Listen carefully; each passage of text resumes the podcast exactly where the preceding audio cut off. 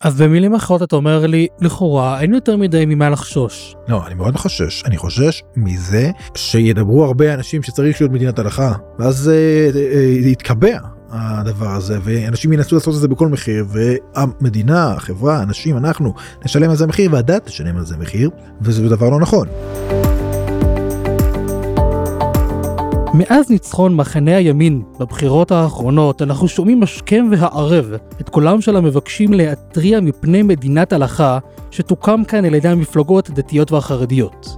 יהיה פה כמו באיראנים מפחידים. המגישות של מהדורות החדשות תיאלצנה לעשות זאת בכיסוי ראש, נשים תחזורנה למטבח, תוקם סנהדרין שתסקול מחללי שבת, ועוד הפחדות כאלה ואחרות כיד הדמיון הטובה של המחנה שכנגד. והשאלה המתבקשת היא, האם באמת יש מה לפחד ממדינת הלכה? מה המשמעות של צמד המילים הזה, ועד כמה באמת מדובר בתוכנית פעולה מגובשת וישימה? שלום וברוכים הבאים, אתם מאזינים לצריך דיבור, שיחות על המחשבה תורנית, הגות וחברה מבית כתב העת צריך עיון. שמי מוישי, והיום, על מנת לנסות לענות על כל אותן שאלות בנוגע למדינת הלכה, אני שמח לארח את אליעזר פורכטוונגר, חוקר במכון תורת המדינה, כותב בבמות שונות, בין היתר גם כאן אצלנו בצריך עיון, וגילוי נאות, בוגר התוכנית חוכמתכם ובינתכם, שם למדנו יחד ונפגשנו. שלום אליעזר. אה, שלום שלום כן. תודה רבה שבאת. אז קודם כל באמת לפני שנדון במשמעות של מדינת הלכה, בוא נתחיל מההגדרות. למה אנחנו מתכוונים כשאנחנו אומרים מדינת הלכה? עכשיו, אני יודע שזאת הגדרה די מסובכת, וגם אמרת לי בשיחה המקדימה שלעצם ההגדרה יש לא מעט השלכות משמעותיות. אבל עדיין, בוא ניתן איזושהי הגדרה בסיסית כדי שנוכל לפחות ממנה להתחיל את הדיון. כן, אז uh, כמו שאתה אומר באמת uh, ההגדרה של מדינת הלכה uh, היא רחבה וארוכה. היא נעה בין אה, שאלות של אה, סגנונות משטר וכל מיני שאלות אבל המשמעות הפשוטה של מדינת הלכה שנתחיל בה ורק אחרי זה נרד למשאר המשמעויות היא אתה יודע שהמדינה כלומר גופים המחוקקים המבצעים השופטים התנהלו על פי גם מערכת התורה או רק מערכת התורה. אה, זאת אומרת, אה, אתה יודע, מה שנתפס בעינינו כהלכה, כן? לציבור אה, שנתפס כשומר הלכה, נניח יהיה אסור לחלל שבת, יהיה אסור בחוק. זהו, אז... יאכפו את זה וישפטו. סקילה במילים אחרות? אה, טוב תודה זה באמת אה, אה, ממש כמעט ריטואל כשמדברים על מדינת הלכה. אני יודע לכן אני שואל. כן כן תמיד יהיה את המנטרה הזאתי של ראה אתה תסכלו את כל מי שמחלל שבת תסכלו כל מי שעובר על הראיות. אתה יודע זה לפני כמה שבועות במסגרת הפסטיבל פחד מדינת הלכה ראיתי כתבה בוואלה אה, על חוקים הזויים מהתנ"ך שלא ידעתם ולא שמעתם והוא מביא שם דיני טהרה בין צורר ומורה מי אותה. שבאמת זה נתפס אה, לאדם התרבותי בזמננו כחוקים מופרכים לגמרי. ועכשיו אז אתה יודע מה אומרים תמיד על השאלה הזאת ספציפית על, הענישה על עונש מוות הסקילה אומרים שזה עניין חינוכי ובכלל הסנהדרין הסנהדרין שפעם הורגת אותם ב-70 שנה היא קטלנית כל מיני דברים כאלה. הרב שרקי שהוא מתעסק עם זה לא מעט אה, הוא אוהב אה, להגיד ככה הוא אומר תראו בן אדם מחלל שבת צריך עדים והתראה מה זה התראה? אומר מגיע מגיעים שני עדים אה, עם ומתרים בו תשמע אתה הולך לחלל שבת אתה יודע את זה. והוא אומר כן על מנת כן אני עושה את זה אני רוצה לחלל שבת במזיד ואני רוצה שאין לי בעיה שיש פה שני עדים שרואים אותי ואני אחלל שבת. הוא מוכן בעצם למות על זה ואז מגיעים לבית דין ואומרים תראו אה, שני העדים היו פה העידו בפניו שהתרו בפניו והעידו שהוא חילל שבת אה, ובכל זאת הוא עשה את זה אז הוא שותה הוא פטור אז אין מה לסקול אותו. לא ניכנס אם זה נכון או לא אבל זה, אה, זה נכון. נכון.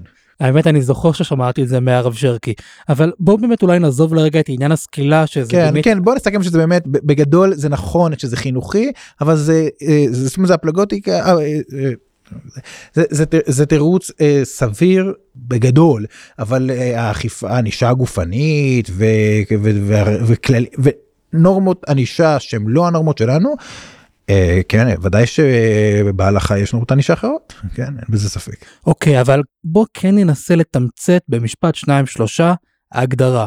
מה זאת מדינת הלכה שאתה יודע מה אני אחלק את זה אולי לשני חלקים. מה אתה מתכוון בהגדרה בשיח הציבורי. בדיוק בדיוק יש את השיח הציבורי שכולם מפחדים ממנו כן. ויש מה שאנחנו אולי כנראה נדבר עליו שהוא קצת כן. שונה.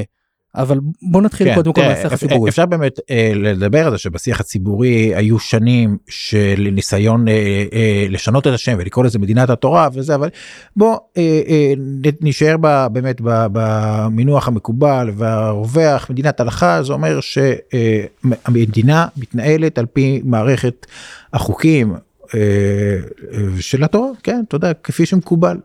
כלומר במה זה בא לידי כלומר ביטוי? שמ- שמחר אה, תרצה לחלל, אה, להיכנס לבריכה בשבת לא תוכל כי זה יהיה אסור בחוק ושוטר אה, של משטרת ישראל כן יאכוף את האיסור של חילול השבת שאתה עושה. הבנתי כמו עבודות הרכבת שקראנו עליהם כן, השבוע. זה אפילו עובדות הרכבת זה עוד כבר היום כן אבל אה, זה כן. לא, לא צריך להגיע למדינת הלכה בשביל זה אבל כן. זאת אומרת אם אני מבין ממך נכון מדינת הלכה אז אנחנו לוקחים את ארבעת חלקי שולחן ערוך ששם חלקי למשנה ברורה וכן הלאה ובמקום שבהם יש אה, חוק אזרחי אנחנו פשוט אה, עושים אה, שנה צורה להלכה. כן שוב מאוד מאוד בגדול אה, בואו ניקח לוודאי את אה, חושן המשפט זה שונה לחלוטין מדיני אבן העזר. דיני אבן העזר אם כבר הזכרת מה שכבר יש כיום אז בעצם דיני אבן העזר למעשה אנחנו בסוג של מדינת הלכה במובן הזה כן כיוון שהחוק אה, הישראלי אה, אה, כמעט אפשר לומר כפוף להלכה אה, בתחום הזה אז בגדול אבל זה ההגדרה הנכונה. הבנתי אוקיי אז בוא באמת אולי נלך לשאלה שאני חושב שהיא קצת יותר יסודית. למה בכלל אנחנו יושבים כאן ומדברים על זה למה כל כך חשוב לעסוק בנושא הזה של מדינת הלכה. אז יש כמה סיבות. אה, יש סיבה פשוטה. אה, אתה יודע, אנחנו יהודים שומרי הלכה, אה, לומדים על מנת לעשות, אז יש הלכות, יש מד- הלכות מדינה, צריך להתכונן אליהם, אתה יודע, 30 יום קודם החג דורשים הלכות החג, אז התקופה שלפני המדינה צריך לדרוש בהלכות המדינה. זה סיבה אה, טכנית הלכתית. טכנית הלכתית זה גם משאיר לי פה כמה שאלות אם אנחנו לפני המדינה אם אנחנו כבר בתוך כן, המדינה. נכון נכון עוד נגיע לזה אבל אה, אה, זה סיבה אחת פשוטה. יש לזה עוד אה, אלמנטים של סיבות חינוכיות אה, אה, ובאמת זה קצת משתנה בין הציונות דתית לבין חרדיות חינוכיות כמו מה?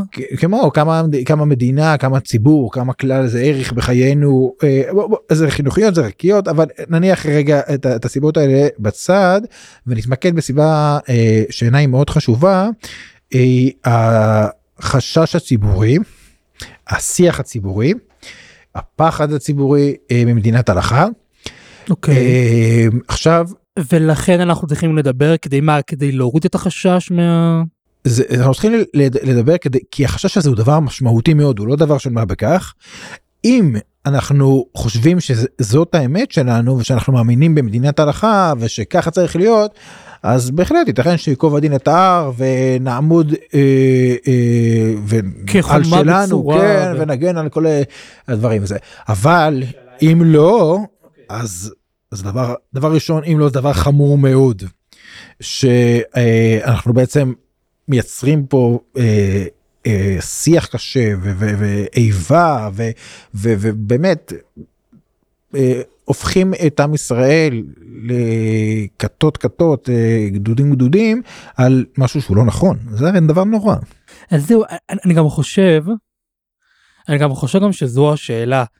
האם באמת זה מה שאנחנו מאמינים בו? אנחנו באמת רוצים כן, אז, מדינת זה, הלכה? אז זה בדיוק הסיבה שאנחנו צריכים לברר מה זה אומר זאת אומרת אם אנחנו אה, רוצים מדברים על מדינת הלכה והם מפחדים ממדינת הלכה בוא נבין רגע מה זה אנחנו אומר? רוצים האם זה חשוב לנו מה זה אם זה באמת ככה אוקיי אז נצטרך אין ברירה באמת לדון ולנסות אה, אה, לעשות מה שאפשר אבל אם לא אז יש פה איבה באמת איבה איבת חינם כאילו על מה אז בוא נבין זה מה שצריך לברר אוקיי. אז זה אה, אה, הסיבות המרכזיות למה צריך לעסוק בשאלה הזאתי בעיניי אבל יש גם סיבות לא לעסוק צריך לומר את האמת. אוקיי, למה? אז אה, אם, אם נפתח נקוד אכסניה כזה אז אה, אז יש בהגות השמרנית התנגדות לחזון ולתכנון אה, תבוני של המציאות. כי כי תכנון משמעותו שינוי יחסית רדיקלי במציאות ואנחנו לא אמורים אנחנו אמורים יותר אה, אה, אה, להתנהל לפי המציאות לפי תנאי השטח הקיימים. זאת אומרת עכשיו אני מדבר על השמרנות לא כפוזיציה של שמרנים או משהו בסגנון אלא מבחינת הטיעון המהותי של השמרנות שבהחלט לאידיאולוגיות יכול להיות ניתוק מן המציאות אה, משמעותי שיביא למחירים כבדים כן. זה זאת אומרת מבחינת הטיעון השמרני. עכשיו יש בזה גם אה, ל, ל, או בנפרד או ביחד זה גם גישה גם הלכתית. זאת אומרת אה, גם בגישה ההלכתית אנחנו מוצאים אה, את השמרנות הזאתי אם מהטעמים אם מהטעם הזה אם מטעמים אחרים אתה יכול לראות את התלמוד מה שנקרא המבנה הקאוזיסטי שלו העיסוק בשאלות ולא בכללים זה אומר במובן לא מבוטל את אותו גישה שמרנית של אה, עיסוק בשאלות באופן מעשי לא ביצירת חזון תבוני. זאת אומרת אנחנו לא רוצים לעסוק בזה כי מה אתה עכשיו מתחיל לבנות לי פה אה, עתידים אפשריים. כן. שיכולים להיות מנותקים מן המציאות ולעשות דברים פחות אה, טובים. אז כשנגיע לגשר נחצה אותו. כן או לפחות שנראה את הגשר כאילו okay. אם לא אוקיי. נגיע אליו לפחות שנראה נדע מה ועכשיו יש בזה גם אה, אלמנט רוחני יותר אה, של אה, יש נכון למצוא בספרות ודאי באחרונים את המושג הזה של סייעתא דשמיא בשעת הפסיקה כלומר. אה, אה, כשאדם פוסק מגיע לשאלה מעשית אז יש לו סייעתא דשמיא שאין לו כשהוא עוסק בעיון התיאורטי.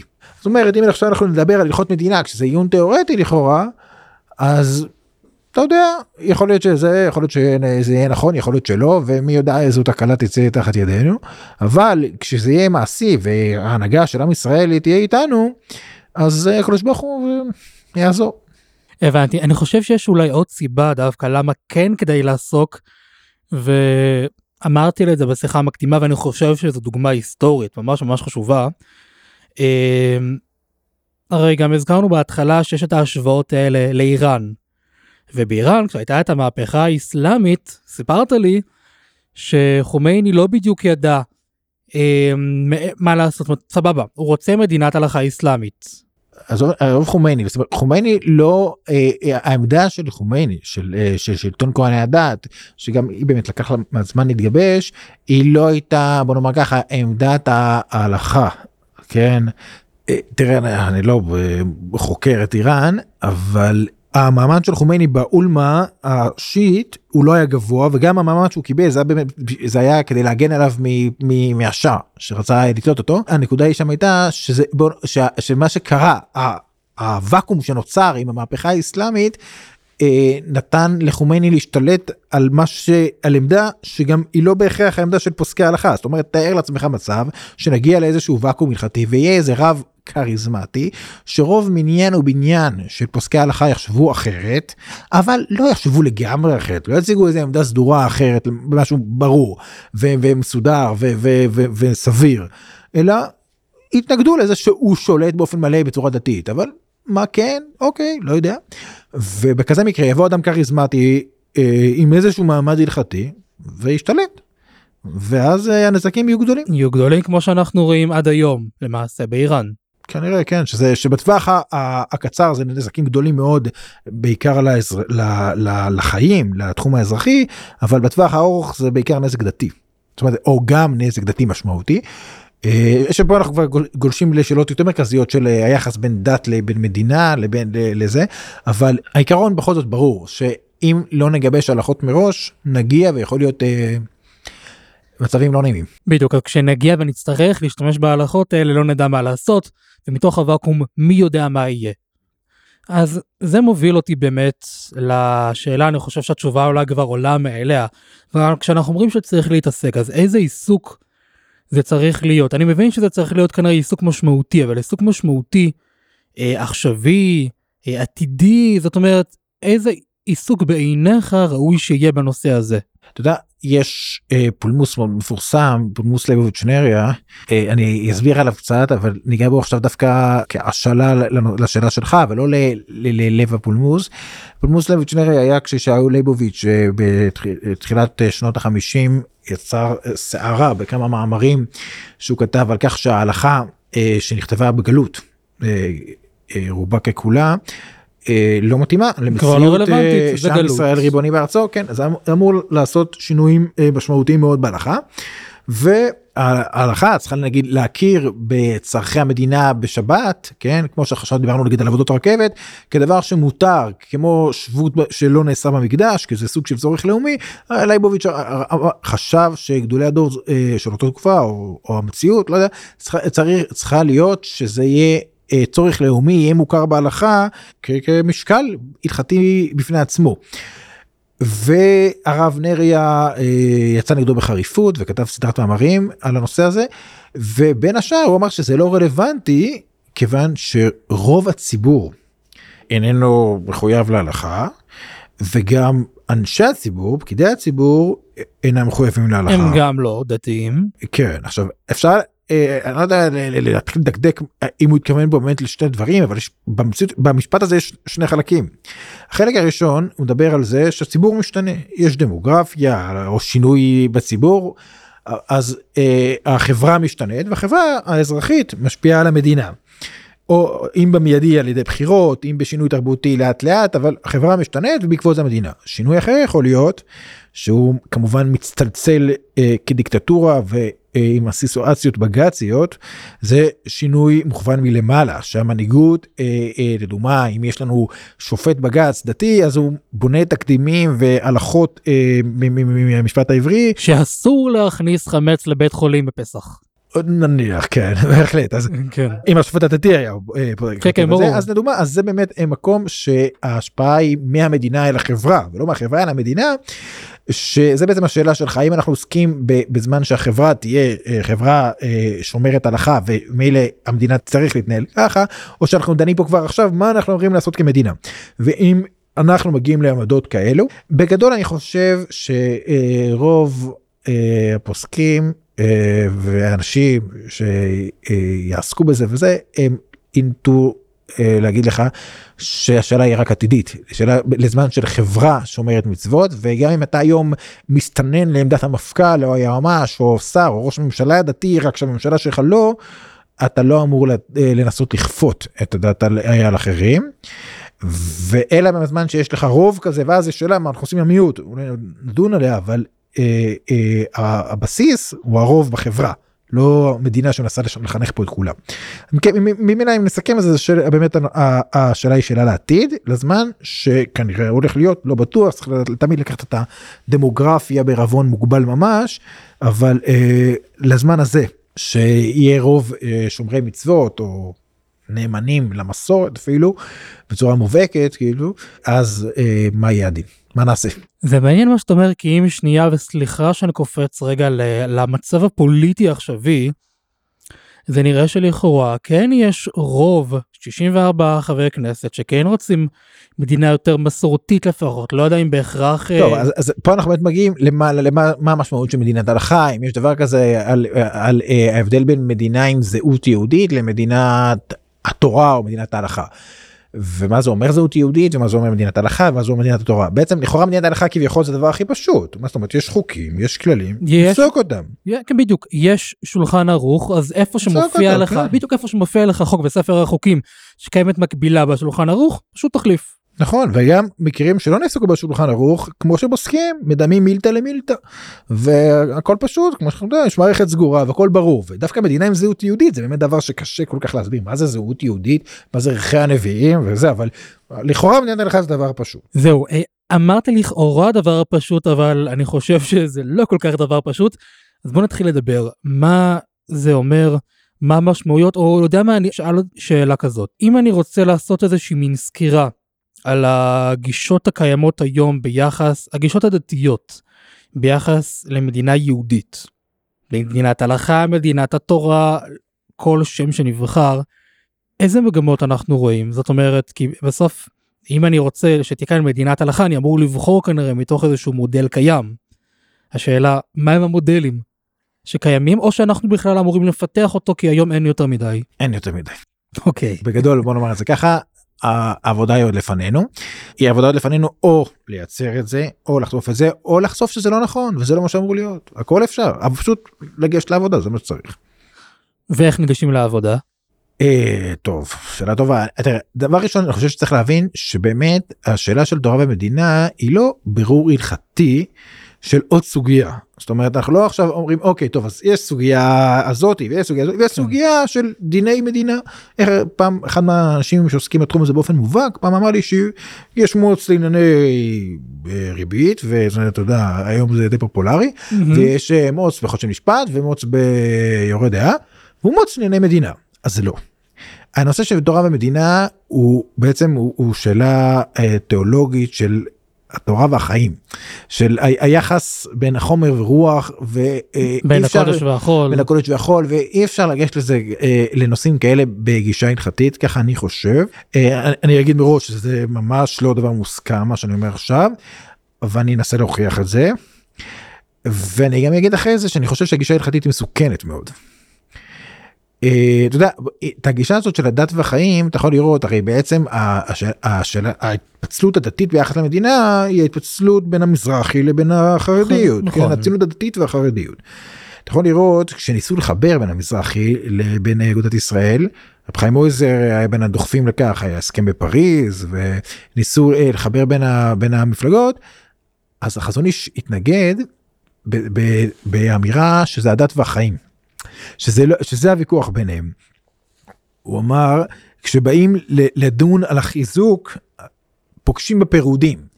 הוא אומר לדת הדת והחיים צריך להעלים עין בחליבה בשבת שאין הציבור יכול לעמוד. ובכלל אין צריך להרבות בקטטות בשביל חילול השבת וגד- וגדול השלום במקום שאין צריך חיזוק אין צריך שיתוף. וכן בכשרות אין צריך לדקדק שיהיה באמת מה שנותן בכשר רק שיהיה הכשר מרבנים שפרנסתם מהקהילה ועוד ועוד. זאת אומרת החזון איש אומר זה סתם פשרנות. זה ההתנגדות שלו לחיבור. אז אגב החיבור לא יצא לפועל אבל כשהחיבור יצא לפועל בכנסת הראשונה אה, שהיה תחזית הדתית היא התפצלה כן מהר מאוד למה היא התפצלה לא בגלל שאלות של ארץ ישראל שאלות של אה, ציונות. התפצלה בגלל הפשרנות זה מה שהם אמרו. ככה אה, מביא יוסף פונד במחקר שלו על אגודת ישראל. אז, אז, אומר, אז, אז מה שאני אומר פה שהעיסוק במדינה הוא עיסוק תיאולוגי בחומר ורוח. ואם תרצה אני אדגים את זה גם. אני כן רוצה רגע להתקיל אותך בשאלה זה עיסוק תיאולוגי שבעיניך דורש איזשהו עדכון מסוים לתיאולוגיה החרדית לא בהכרח אבל זה אומר שזה עיסוק תיאולוגי שאי אפשר לנסות להתעלם ממנו ולדון אותו בכלים לדון בו בכלים הלכתיים קלאסיים. של אה, של שמייצה ושל אה, חושן משפט של, של שו"תים כן, לא כן. יודע, כ- כאילו זאת אומרת אתה לא יכול להגיד אה תראה זה הדין ואני מקיש ולומד אה, מדין אחר. הבנתי אז, אז אני, אני רוצה להדגים את זה בשאלה של ניתוחי המתים. למה? כי ניתוח המתים זה באמת אה, דוגמה מובהקת לשאלות התיאולוגיות, לה- להתנגשות הציוויליזציות הזאת, כן? בין אה, התפיסה הדתית, ה- ה- בעיקר הזאת שממוקדת בעולם הבא, בהישארות הנפש, ולבין, אתה יודע, התפיסה החילונית, ההומוצנטרית, ה- ה- מטריאליסטית כאילו גם ולא גם בעצם זה שממוקדת בעולם הזה אתה יודע ברמה הכי פשוטה כן. ניתוחי מתים זה שאלה שעוסקים בה בכל כך הרבה אמוציות המון שנים ובמדינת ישראל השאלה הזאת הייתה עילה למאבקים איומים ממש קשים ביותר מלאי אמוציות.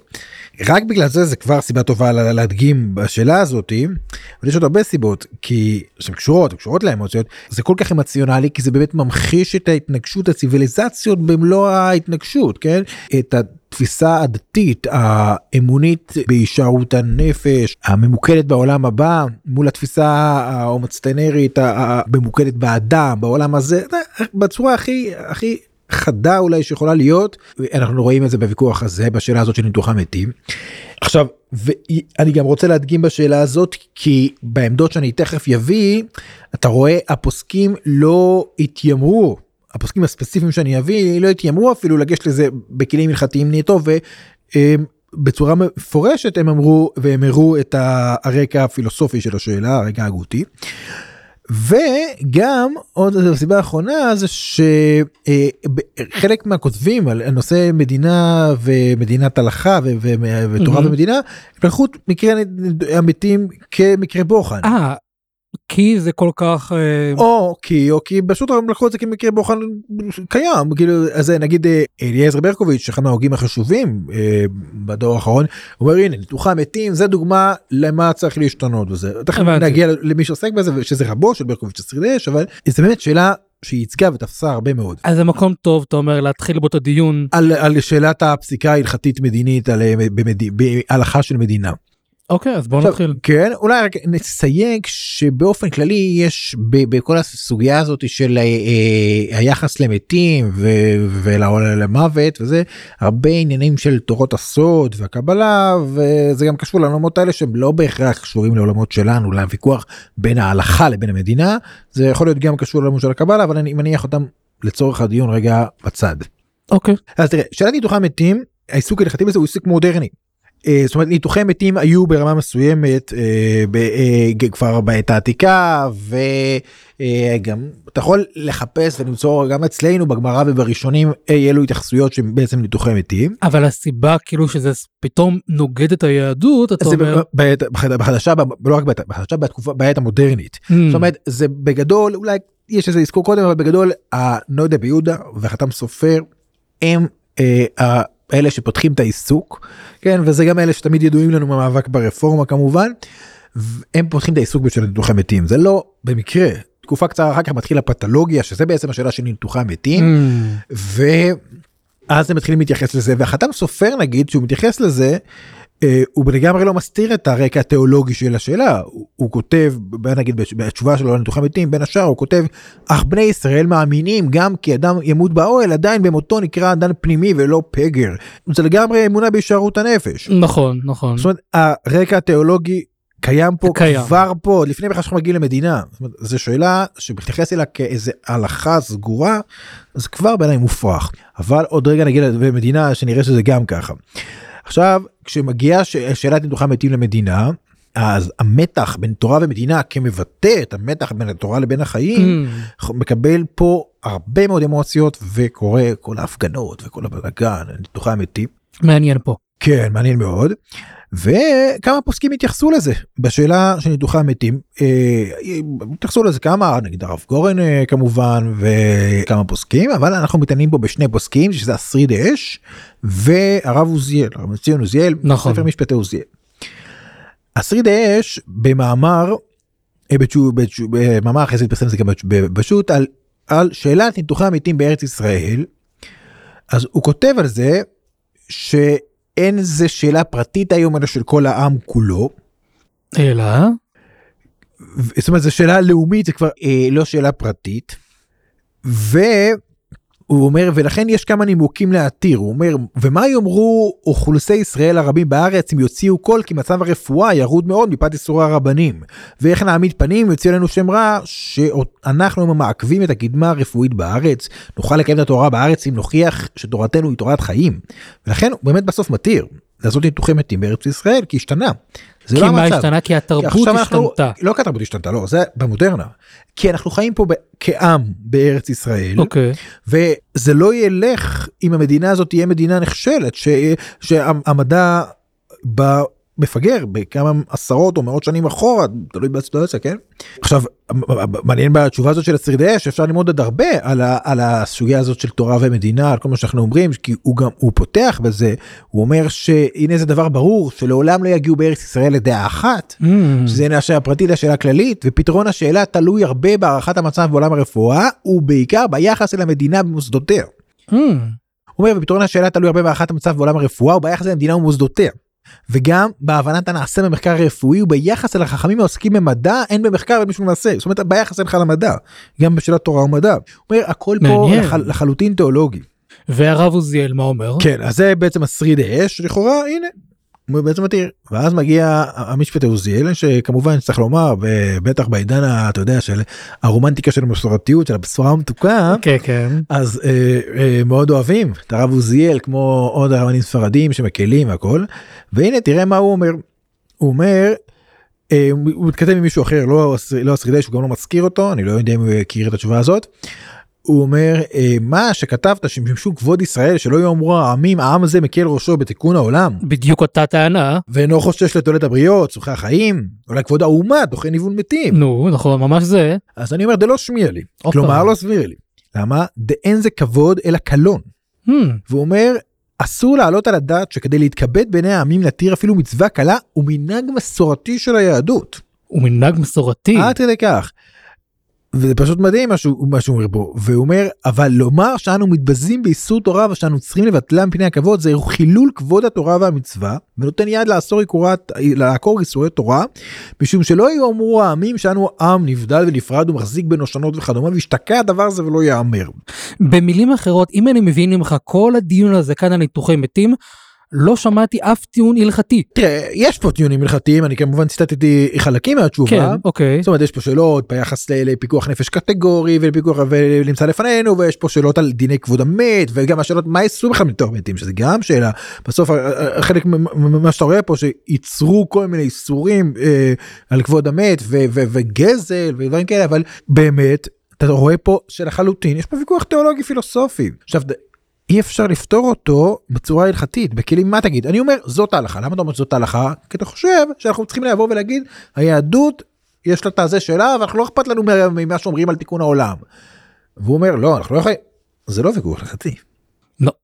עכשיו עוד רגע אולי נגיע להבדל אם תגיד לי רגע מה, מה, לא הבנתי בכל ההלכה נדון בשאלות המת ההלכתיות האם כל פסיקה היא מערכת סגורה פתוחה עוד רגע נגיע לזה. כן אבל- לא אני פשוט מנסה להחזיר אותנו חזרה לנקודת המוצא של אה, מדינת הלכה זאת אומרת איפה זה פוגש אותנו. זאת אומרת זה פוגש אותנו שאי אפשר בשאלה כזו הנה אנחנו פוגשים פה שאלה של מדינה אי אפשר לקבוע בו הלכה.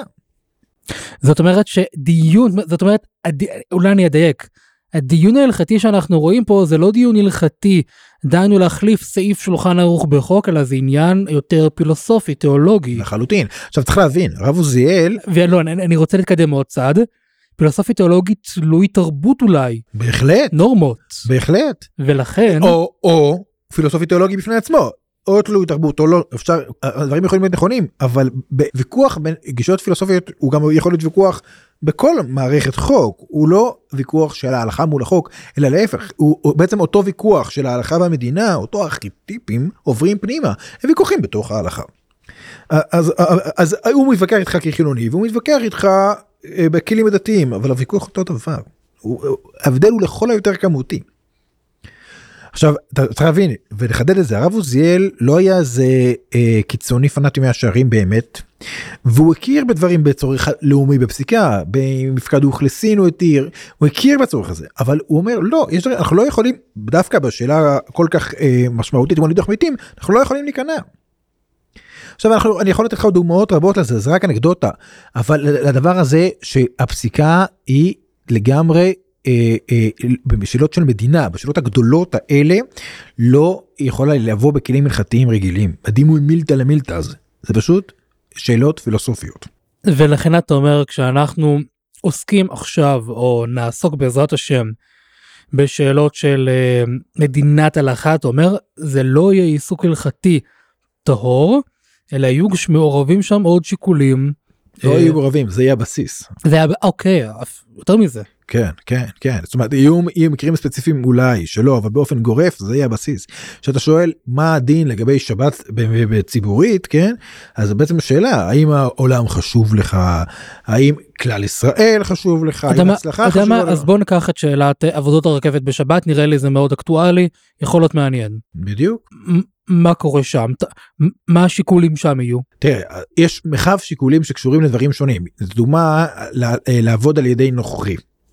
לעבוד על ידי נוכרי להתיר מלאכה דרבנן לצורך רבים כמובן יש לזה תשתית הלכתית אה, משמעותית ובהחלט אפשר לפתור אותה. אבל פה תוכל למצוא התנגדות וימין ושמאל אה, התנגדות משמאל שיגידו לך מה? מה זאת אומרת? משמאל במובן מסוים כמובן. עם ישראל צריך גויים בשביל להסתדר? מה פתאום? אנחנו צריכים עבודה עברית. בוודאי צריכים, כעם אה, הגמרא קוראת לזה ככה דכולה ב כן? כעם לפתור את הכל. אנחנו התורה ניתנה לעם ישראל כעם וצריכים לפתור הכל. ומימין שוב במובן הזה אה, יגידו לך מה זאת אומרת? מה? לא, מלאכה בשבת אה, על ידי עכו"ם בשבילך ובכלל זה גם יתרון חלקלק הרי. וכולי וכולי. זאת אומרת יהיה פה ויכוחים לגמרי משני הצדדים והכל והם לא הלכתיים. כמובן שאנחנו בדרך כלל רגילים לקרוא הלכה. עכשיו אני יודע שאי אפשר להגיד רגע אולי זה כל ההלכה. ו- מה הכוונה? זאת אומרת אולי כל ויכוח הלכתי הוא ויכוח ערכי. אז, תלוי. אז אני אומר לא שזו. שאלה טובה אבל אני אומר דבר אחד פשוט אם אתה חושב היום שלא תמיד או שלא.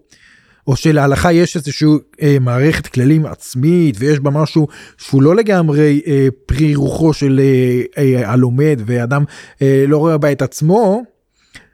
אז אם תפסוק הלכה גם בשאלות מדינה סיכוי גבוה מאוד שגם הפסיקת ההלכה במקרה אישי תהיה ככה לא להפך זה לא שפסיקת המדינה תתקבל כמו שמקבלים היום בפסיקת ההלכה המסורתית אלא להפך הפסיקת ההלכה המסורתית תזולזל כמו שיזלזלו בפסיקה בענייני מדינה. למה? כי תהיה מנותקת מהמציאות? כי, לא כי יחשבו יגידו זה לא הלכה זה האידיאולוגיה שלך. רלוונטי לתקופתו כאילו. לא יבוא פוסק, אני יש לי שאלה עכשיו אישית, בדיני שבת. יבוא, אני אלך, אשאל את הרב, אה, הרב הזה, הוא, אתה יודע, אדם פרוש, הוא לא, הוא, אני לא, אני אמצא רב מעורב עכשיו. זה גישות שכמו, שאלות שקיימות גם היום. בדיוק. אבל היום, אבל זה יחסית על אש קטנה, ובסך הכל הגישה המקובלת, והרווחת היא כן להסתכל על ההלכה כמערכת סגורה, אנחנו לא ניכנס פה לדיון הזה, לדיון המטה ההלכתי הזה, אבל ברור שיש לו בסיס, של הצליחו לפתח מערכת סגורה בהלכה. אבל אני אומר שהמערכת הזאת שהתפתחה, היא עלולה פשוט ללכת. כי היא מאוד תלוית זמן. כי בגלל שההסתכלות היא- על, על, על, על פוסקי הלכה תהיה כאנשים מוטים אידיאולוגית. תסתכל על Mm, בג"ץ. נכון. היום אם אתה תגיע לבג"ץ לא כשופטים כבית דין גבוה לצדק אלא כבית משפט עליון וגם אם תבוא לשופט המחוזי. אתה תרגיש הרבה פעמים שהוא אה, אדם מאוד מאוד אידיאולוג גם Mm, בכל נכון. מיני דברים לא אפילו בדיני חוזים אתה יודע אה, אה, כל דבר קשור גם לשאלות אידיאולוגיות אה, אחרות וכולי. וככל שזה אה, הם מתעסקים בנושאים יותר אידיאולוגיים הם מאבדים את אמון הציבור גם מה שנתפס כמערכת סגורה נכון ולכן לכן זה מה שיקרה גם להלכה אם ההלכה תתחיל להתעסק אה, בשאלות שהן לא הלכתיות תחת מעטה משפטי הלכתי. זאת אומרת אין לי בעיה יש לי בעיה אבל אין לי אבל אבל אין לי עם, עם, עם, עם זה שהרבנים ואנשי תורה יגידו ככה נראה לי אה, לעשות. וזה באמת מובן מסוים המובן של דעת תורה או, אבל הם שהם יגידו שזה הלכה הם פשוט יעשו את ההלכה.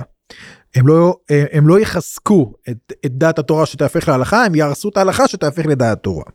אוקיי, אבל זה באמת מותיר אותי עם שאלה, אם אנחנו רוצים כאן מדינת הלכה כלשהי, לא יודע אפילו מה יהיה בה, איך נעשה את זה? כי אני אגיד לך מה, כי אם אתה אומר, תשמע, אני צריך להתעלם מרוחות הזמן מה שנקרא, כי בעוד uh, 50 שנה יגידו, אה, זה כבר לא רלוונטי.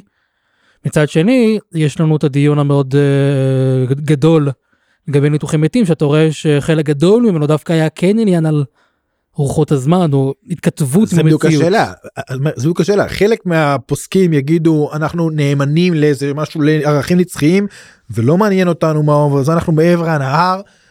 כל השאר אה, הסתחפו להם ברוחות הזמן ואנחנו בשלנו במה שנמסר למשה מסיני בדיוק עד היום מפה לפה אבל חלק יגידו לא תראה זה יש מקום לזה ולכן אני אומר לא יכולה להיות פסיקת ההלכה במובן של פסיקת ההלכה יכול להיות אה, השראה ולהסתר ונבואה אינשאללה אבל פסיקת ההלכה לא תהיה. זה פשוט לא יהיה פסיקת הלכה ממה שאנחנו תופסים כמערכת סגורה. עכשיו אם אתה תופס את כל הפסיקת ההלכה כאיזה תפיסה אידיאולוגית אז סבבה אבל רובנו לא תופסים ככה את הדבר הזה. וזה יכול להזיק מאוד להלכה ודאי יכול להזיק למדינה. עכשיו אה, אז אפשר לה, לה, תגיד לי יש דרכים לא הבנתי מה ומה היה פעם בשאלות ציבוריות שהיו אה, בשאלות ציבוריות ויותר מזה למה שלא תפסוק איזה תפתור את זה עם סנהדרין ודברים כאלה. אוקיי, אז אה, מה היה פעם? זה פשוט שהפער בין, ה, בין החיים לבין התורה היה פשוט הרבה יותר קטן. הקו פרשת המים הזאת של המודרנה אי אפשר להשוות אותה לתקופות אחרות זה באמת זה עיקר הנקודה. אבל אם נתפקד רגע בהבצע של הסנהדרין אז פשוט הסנהדרין לא יקום מהסיבה הזאת. למה לא?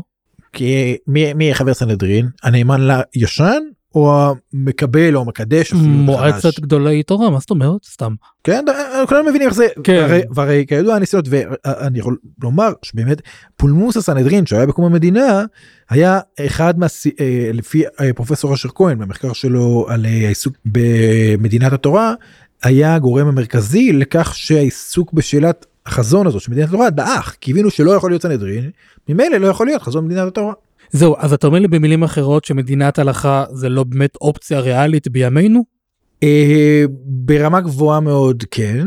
עכשיו תראה יש פה בעיה. זה בעיה של אה, הרבה פונדמנליסטים בעולם שאומרים אנחנו נחזיר אה, נשיב עטרה ליושנה ונחזיר את ה... משפטי דוד. את משפטי דוד או את האסלאם וזה אבל בעצם משתמשים במונחים של המדינה המודרנית שלא הייתה רלוונטית אז. זאת אומרת השלטון הריכוזי אה, לא היה רלוונטי בתקופת דוד המלך לכאורה. אם, אם הייתי משווה את זה, זה לאיזה משהו בתקופת המלכים זה באמת לאי ההצלחה של מלכים אה, כמו אה, אה, צדקיהו או אחז על, על, על ניסיון להשתלט על העבודה זרה שבמובן מסוים זה באמת מאבק תרבותי שהמלך מנסה להשתלט עליו בכוח התורה באמת כמו שלפי חז"ל אה, אמרו לנו אז הם לא הצליחו. זאת אומרת העם באמת עדיין עובד בסתר כי אי אפשר באמת להשתלט על זה טוב זה, באמת ברמה הפרקטית אבל זה אולי דומה למה שהיה פעם אבל מי אמר שאנחנו צריכים להתמודד עם ההלכה בכלים של מדינה מודרנית ההלכה לא דיברה על זה. זאת אומרת יכול להיות שההלכה אה, מתכוונת לקהילות יכול להיות שההלכה מתכוונת לשלטון בכלל במובן קצת אנרכיסטי במובן היותר אה, אה, בקונוטציה היותר חיובית של המשפט כן. הזה לא במובן כן. של היום אבל אה, יכול להיות כל מיני דרכי שלטון לא בהכרח שהמדינה הריכוזית צריכה להתנהל על פי התורה בהחלט. הבנתי מעניין. אז אם אני הולך רגע לשאלת הפחד כי גם בהקדמה התחלנו מזה שמפחידים אותנו יהיה פה כמו איראן וכולי וכולי אז במילים אחרות אתה אומר לי אין לכאורה אין יותר מדי ממה לחשוש. לא אני מאוד חושש. אני עצמי חושש ואני גם חושב שיש מה לחשוש. אני חושש מזה שיהיה אתה יודע האפקט החברתי הזה שנבואה שמגשימה את עצמה כן? שידברו הרבה אנשים שצריך להיות מדינת הלכה בצד המתנגד ובצד המחייב ואז אה, אה, יתקבע הדבר הזה ואנשים ינסו לעשות את זה בכל מחיר והמדינה החברה אנשים אנחנו נשלם על זה מחיר והדת תשלם על זה מחיר וזה דבר לא נכון. ועוד שבאמת גם מה שיהיה זה לא יהיה קרוב בכלל למה שהייתה יכולה להיות אותה מדינת הלכה. כן בהחלט לכן, לכן אני אומר שהעיסוק בזה הוא מאוד מאוד חשוב. אין בשביל להרגיע את האיבה שקיימת היום ואין בשביל מה שיתפתח בזה בעתיד. כי אם יבואו אמציונלית ברגע שיהיה איזה ואקום כזה היי אנחנו רוב. מה אנחנו עושים עם זה אה אנחנו רוב זה שלנו אז יאללה בוא נלך בכל הכוח ובוא נגיד נעשה את זה ואת זה ו- ונאכוף את זה ואת זה ונבנה את זה ואת זה לא לא לא בואו ננסה לתכנן דברים מראש לתת קווים מראש ולדעת מה התורה אומרת ותראה אם התורה באמת אה, תגיד דברים שהם קשים מאוד אז אין עצה ואין תבונה נגד השם אבל אם היא לא אומרת את זה אז בוא לא נעשה את זה בוא לא נעשה את זה רק כדי שנאמר אה זאת התורה. כן בוא נבדוק. בוא נבדוק יפה. מעניין. אבל במילים אחרות אתה אומר לי גם שזה משהו שהוא כרגע הוא לא אפשרי ואם זה משהו שיקום זה משהו שיקרה אה, לעתיד לבוא כשבית המקדש אה, ייבנה. שיהיה מהשמיים ש... אה, אה, תראה אני באמת מאמין שזה צריך להיות איזה משהו על טבעי אוקיי. כן כדי שיהיה משהו אה, שנדע בוודאות שהוא טוב ונכון. עד אז אני חושב שזה צריך להיות בצורה מאוד אה, שמרנית ומסורתית כזאת. אה, אחרת אה, יכול לקרות באמת דברים לא טובים בכלל. ובכל מקרה אני אומר זה מה שצריך לבדוק. ולא שזה לא יהיה דבר פשוט מאליו שאה אוקיי אז אם יש הלכה אז אנחנו צריכים לאכוף את ההלכה ושאנחנו אם אנחנו בראשי המדינה אז בוא נפתח שולחן ונ- ונפסוק ומה, ומה החזון שלנו על פי ההלכה? צריך לבדוק. בוא, אוקיי, נראה. במילים אחרות אתה אומר קודם בואו נפתח כוללים אולי של אה, מכון תורת המדינה אה, ונראה מה או, או תתרמו סתם לא אה, לא מה שבאמת מה שאתה אומר זה דבר פשוט כן זה שכאילו אם לא לתרום, נת- סתם. כן לא שאם לא נתכונן אתה יכול לקרות דברים רעים מאוד כן אין בזה ספק. כן. אה, אתה יודע הסיסמאות שאנשים מדברים על זה אני חושב שגם לא צריך עיון מעמיק במיוחד אה, בשביל לראות עד כמה שהרבה מאוד דברים האלה זה סיסמאות ריקות שהן לא מחזיקות. הבנתי אז לאיפה באמת לדעתך כל הדבר וכל הנושא הזה של מדינת הלכה, לאיפה זה הולך, או במילים אחרות, לאיפה זה הולך גם מבחינתנו. לאיפה זה צריך ללכת. ל... כן, יפה. אני חושב, אה, כמו שאמרתי, שהציבור אה, שמחויב להלכה אה, צריך לבדוק ולהכריע, זאת אומרת לא להכריע עד הרזולוציות הקטנות, אבל להכריע בשאלות העקרוניות האלה, ולדעת את דרכו, ומשעה שהוא ידע את דרכו, אז אם זו דרך שבאמת באיזושהי קונסטלציה של מדינת הלכה ומאבק בציבורים שהם לא נאמנים להלכה, אז כמו שאמרנו אין ברירה אין עצה ואין תבונה נגד השם וצריך לעמוד על שלנו. אבל מלחמות השם מה שנקרא. כן אם אין ברירה אז אין ברירה. אבל אם אין לא אם לא אז לא צריך להיות מלחמות היהודים. צריך להיות מלחמות השם אם לא וכנראה לא ככה אני כבר אומר עכשיו אז מחויבותנו וזה מה שחשוב בעיניי כן? להפחית את האיבה ולא לייצר מחלוקות ועל דברים שהם לא נכונים ופשוט להרגיע את שאר הציבור ואנחנו לא רוצים לכפות ולא רוצים מדינת הלכה וזה לא יקרה רוצים אולי משהו אחר זה מה שאנחנו רוצים אנחנו צריכים לדעת ועל פי זה להתנהג ביחסינו עם שאר הציבורים והאזרחים גם הערבים וגם החילונים פה במדינת ישראל. יפה יפה מאוד אתה אומר כאילו להימנע מסיסמאות ולהתחיל לברר מה אנחנו כן, רוצים ומשם כן, להתקדם הלאה. כן לפי מה שיצא לנו. זהו אגב זאת נקודה חשובה לפי מה שיצא לא לסמן מטרה מראש ולומר כן אבל אם אתם מסיימים מטרה תסמנו את המטרה הנכונה. כן, בסדר כן כן כמובן. יפה מאוד. מעניין תודה רבה אליעזר פולקנגר הייתה שיחה מאוד מאוד מעניינת. תודה רבה כמובן גם לרב ישוע פפר, לרב מיכאל נכטרלר, לאליהו לוי וליוסי גרין על כל הליווי העזרה וההכוונה. ואחרונים חביבים תודה רבה לכם המאזינים. כמובן נשמח לשמוע מה חשבתם על הפרק הזה ואתם מוזמנים להמשיך להאזין לנו, כמו גם לפרקים הקודמים בפלטפורמת הפודקאסטים האהובה עליכם. אני הייתי מוישי וניפגש בעזרת השם בפרקים הבאים.